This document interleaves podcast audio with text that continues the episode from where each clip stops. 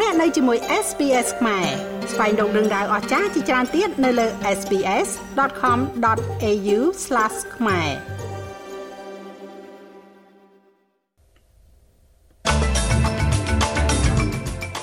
ប្រជាជននៅរដ្ឋ Victoria និងរដ្ឋ Tasmania កំពុងតែទប់ទល់ទៅនឹងគ្រោះទឹកជំនន់ដ៏ធំ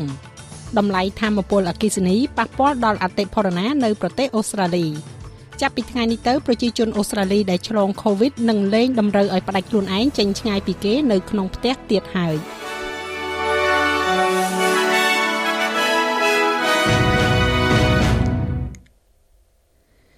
ភិបាលរដ្ឋ Victoria លោក Daniel Andrews មានប្រសាសន៍ថារដ្ឋាភិបាលនឹងផ្ដល់ប្រាក់ជំនួយសង្គ្រោះបន្ទាន់ដល់អ្នកស្រុកនៅភូមិខាងជើងទីក្រុង Melbourne ខណៈដែលភ្លៀងធ្លាក់បានធំថយទៅហើយប៉ុន្តែទឹកជំនន់នៅតែបន្តកើនឡើង។មនុស្សប្រមាណជា1500នាក់បានដាក់ពាក្យស្នើសុំប្រាក់ជំនួយ2000ដុល្លាររួចហើយដែលប្រាក់ជំនួយនេះធ្វើឡើងក្នុងគោលបំណងផ្ដល់កន្លែងស្នាក់នៅ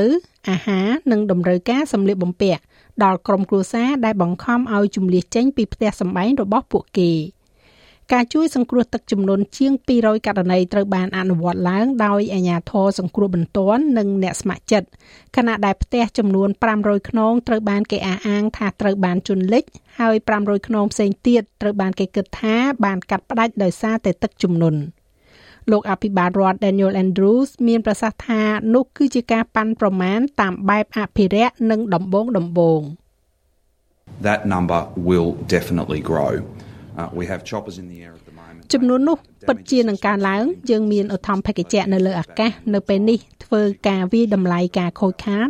ការវាយតម្លៃផលប៉ះពាល់នៃទឹកជំនន់ ពួកគេផ្ដល់ដំណឹងត្រឡប់មកវិញក្នុងពេលជាក់ស្ដែងជាពិសេសតាក់ទងទៅនឹងតំបន់ Goulburn Valley យើងនឹងឃើញមនុស្សកាន់តែច្រើនឡើងច្រើនឡើងដែលសមនឹងទទួលបាននៅជំនួយនោះ។លោកអភិបាលរដ្ឋនិយាយទៀតថាវិធានការគ្រប់គ្រងបន្ថែមជាច្រើនត្រូវបានដាក់ឲ្យដំណើរការសម្រាប់អ្នកដែលរងផលប៉ះពាល់ដោយទឹកជំនន់នៅទីក្រុង Melbourne និងតំបន់ជនបទនៃរដ្ឋ Victoria រួមទាំងមជ្ឈមណ្ឌលសង្គ្រោះចំនួន11និងចំណុចប្រមូលថង់ខ្សាច់ចំនួន50កន្លែង ទន្ទឹមនឹងនេះមន្ត្រីគ្រប់គ្រងគ្រាអាសន្ននិងអ្នកស្ម័គ្រចិត្តក៏កំពុងតែប្រញាប់ដៃប្រញាប់ជើងនៅទូទាំងរដ្ឋ New South Wales និងរដ្ឋ Tasmania ផងដែរ។នៅរដ្ឋ New South Wales អ្នកស្ម័គ្រចិត្តសេវាសង្គ្រោះបន្ទាន់របស់រដ្ឋនេះបានឆ្លើយតបទៅនឹងការហៅទូរស័ព្ទសុំជំនួយចំនួន4500ករណីនិងបានធ្វើការជួយសង្គ្រោះទឹកជំនន់ចំនួន157ករណី។ អចលនទ្រព្យប្រមាណជា250ខ្នងគឺជាកម្មវត្ថុដែលត្រូវធ្វើការជំលៀសប្រជាជនចេញឬក៏កាត់ផ្តាច់ចេញពីគេនៅក្នុងតំបន់ Forbes បន្ទាប់ពីទន្លេ Lachlan បានហក់ឡើងដល់សញ្ញាទឹកជំនន់ដ៏ធំកាលពីព្រឹកថ្ងៃសុក្រនេះ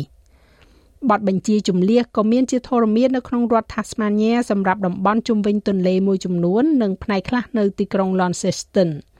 នាយកស្ដីទី SES លោក Leon Smith បានជំរុញឲ្យប្រជាពលរដ្ឋតាមដានស្ថានភាពក្នុងតំបន់របស់ពួកគេ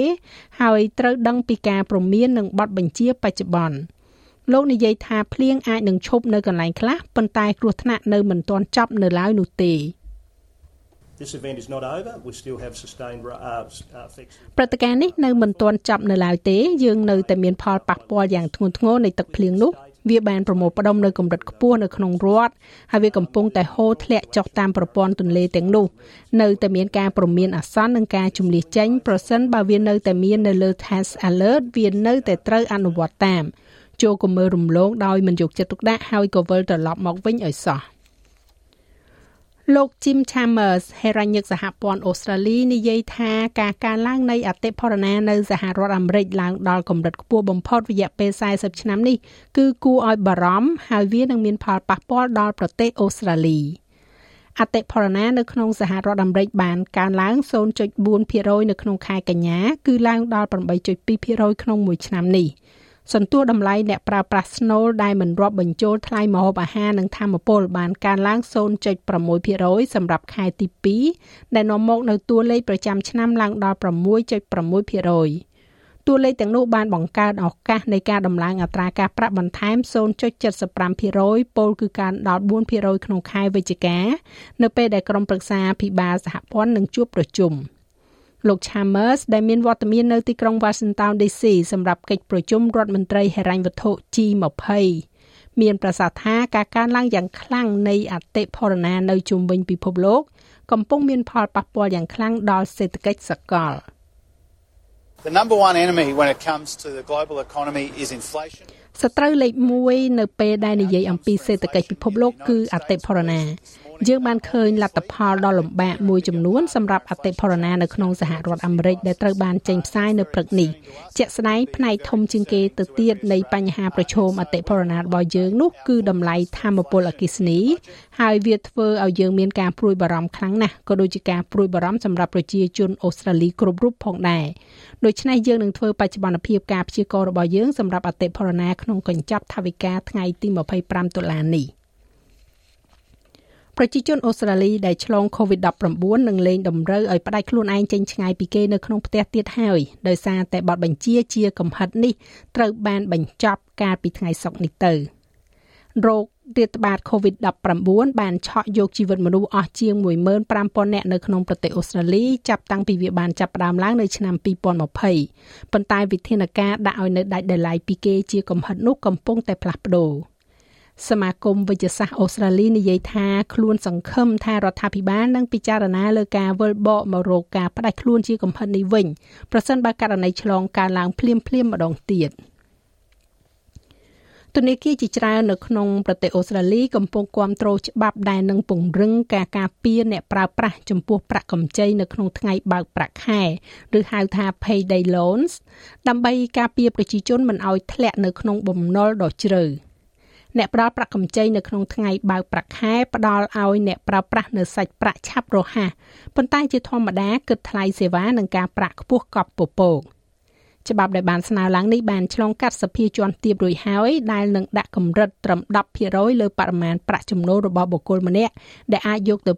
ទៅសងប្រាក់កម្ចីបាន លោកស្រី Christine Caput ប្រធានគោលនយោបាយនៅសមាគមធនាគារអូស្ត្រាលី បានប្រាប់គណៈកម្មាធិការសភា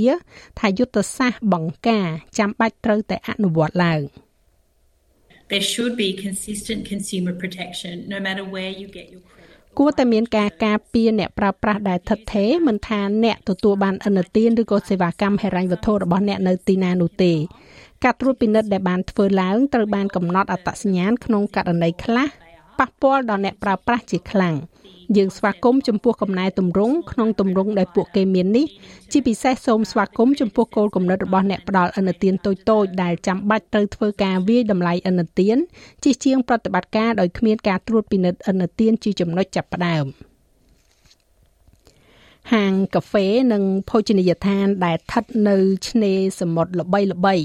មួយចំនួនរបស់អូស្ត្រាលីនឹងទទួលបាននៅមូលនិធិសាធារណៈដើម្បីផ្លាស់ប្ដូរឲ្យចាកចេញឆ្ងាយពីការប្រើប្រាស់ផ្លាស្ទិកដែលបានប្រើតែម្ដង រដ្ឋាភិបាលលោកអាល់បានីនឹងបែងចែកថវិកាចំនួន6សែនដុល្លារទៅក្នុងកម្មវិធីមួយដែលផ្ដោតទៅលើការលុបបំបាត់ចោលនៅកាកសំណល់ជាច្រើនរបស់ប្រទេសអូស្ត្រាលីរួមទាំងពែងកាហ្វេនិងគម្របបំពង់បឺតប្រអប់ដាក់អាហារវេចខ្ចប់ថង់ប្លាស្ទិកនិងដបភេសជ្ជៈអ្នកលក់រាយម្ហូបអាហារនឹងទទួលបានជំនួយតាមតម្រូវការដើម្បីបដូរទៅជំរើសការវេចខ្ចប់ដែលអាចប្រើឡើងវិញបានឬក៏ជាជីកំប៉ុស្ត កម្មវិធីកន្លែងគ្មានផ្លាស្ទិកឬក៏ Plastic Free Place Program បានដំណើរការអស់រយៈពេល2-3ឆ្នាំមកនេះតាមរយៈកិច្ចខំប្រឹងប្រែងរបស់អង្គការបរិស្ថានក្រៅរដ្ឋាភិបាល និងសហគមន៍មូលដ្ឋានរដ្ឋមន្ត្រីក្រសួងបរិស្ថានសហព័ន្ធលោកស្រី Thanya Plibersik មានប្រសាសន៍ថាការជួយអ្នកប្រើប្រាស់ផ្លាស់ប្ដូរចេញឆ្ងាយពីផ្លាស្ទិកគឺជាអ្វីដែលរដ្ឋាភិបាលចង់គាំទ្រ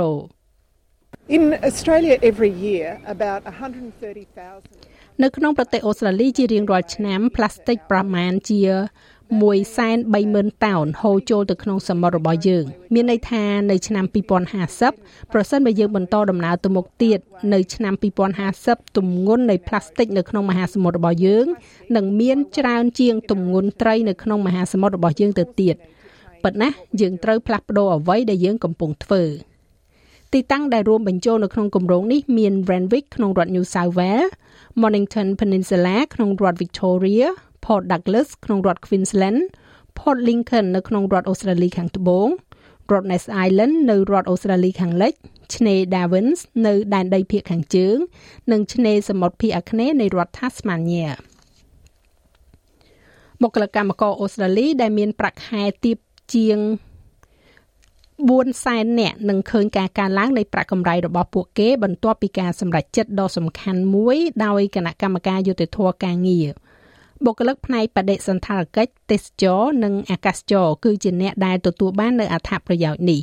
បុគ្គលិកកម្មករពេញម៉ោងនឹងទទួលបានប្រាក់បន្ថែម40ដុល្លារក្នុងមួយសប្តាហ៍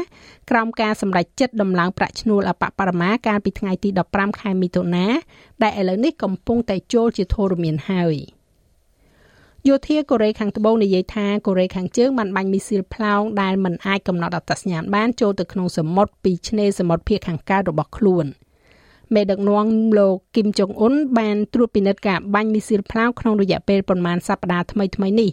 ដែលកូរ៉េខាងជើងហៅថាជាសម្ពយុទ្ធនុយក្លេអ៊ែរយុទ្ធសាស្ត្រដែលคล้ายត្រាប់ធ្វើចេញពីអាកាសយានដ្ឋាននិងកន្លែងយោធានៅទូទាំងប្រទេសកូរ៉េខាងត្បូង។ យោធាកូរ៉េខាងជើងនិយាយថាសកម្មភាពចុងក្រោយរបស់ខ្លួនគឺជាការឆ្លើយតបទៅនឹងសម្ពយុទ្ធកំភ្លើងធំរបស់កូរ៉េខាងត្បូងនៅជិតព្រំដែននៅក្នុងប្រទេសកម្ពុជាវិញកម្ពុជាបានបញ្ជាក់ជំហរយ៉ាងច្បាស់ដោយបានបោះឆ្នោតគ្រប់គ្រងសេចក្តីសម្រេចរបស់មហាសន្និបាតអង្គការសហប្រជាជាតិពាក់ព័ន្ធទៅនឹងការថ្កោលទោសលើការបញ្ចូលតំបន់ចំនួន4របស់អ៊ុយក្រែនទៅជាប្រទេសរុស្ស៊ី។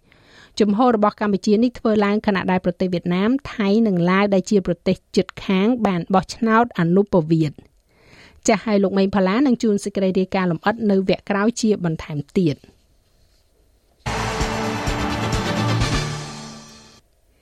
នៅក្នុងព័ត៌មានកីឡាលោក Eddie Jones គ្រូបង្វឹកសហព័ន្ធកីឡាបាល់ឱបអូស្ត្រាលីឬក៏ហៅថា Rugby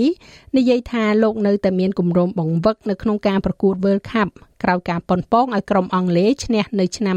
2023នេះលោក Jones នឹងលាលែងចេញពីតំណែងបន្ទាប់ពីរយៈពេល8ឆ្នាំដែលធ្វើជាគ្រូបង្វឹករបស់ក្រុមជម្រើសជាតិអង់គ្លេសនៅពេលដែលការប្រកួត នៅប្រទេសបារាំងឆ្នាំ2023ត្រូវបានបញ្ចប់ទៅ នៅពេលនោះលោកអាចត្រឡប់មកប្រទេសអូស្ត្រាលីវិញដោយឈ្មោះរបស់លោកត្រូវបានភ្ជាប់ជាមួយនឹងអ្នកដឹកនាំទូនាទីកីឡាបាល់ឱបក្រុម Wallaby គ្រូបង្វឹកវ័យ62ឆ្នាំរូបនេះនិយាយថាលោកមិនមានការងារផ្សេងទៀតដែលនៅរងចាំនោះទេនៅពេលនេះប៉ុន្តែនិយាយថាការប្រកួតបាល់ទាត់ពិភពលោកលើកទី5របស់លោកក្នុងនាមជាគ្រូបង្វឹកនិងមិនមែនជាលើកចុងក្រោយរបស់លោកទេ ចំណែកឯអត្រាប្តូរប្រាក់វិញ1ដុល្លារអូស្ត្រាលីមានតម្លៃប្រមាណជា63សេនប្រាក់ដុល្លារអាមេរិកត្រូវនឹង2600រៀលប្រាក់រៀលខ្មែរ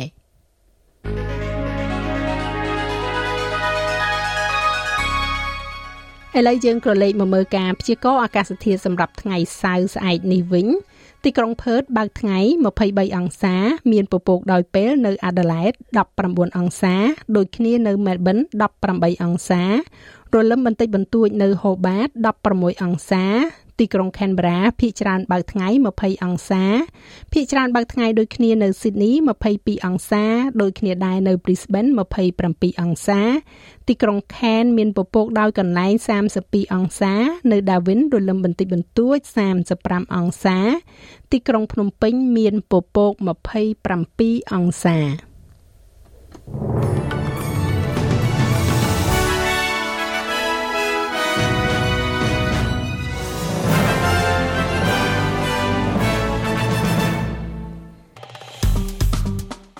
like share comment និង follow SPS ខ្មែរនៅលើ Facebook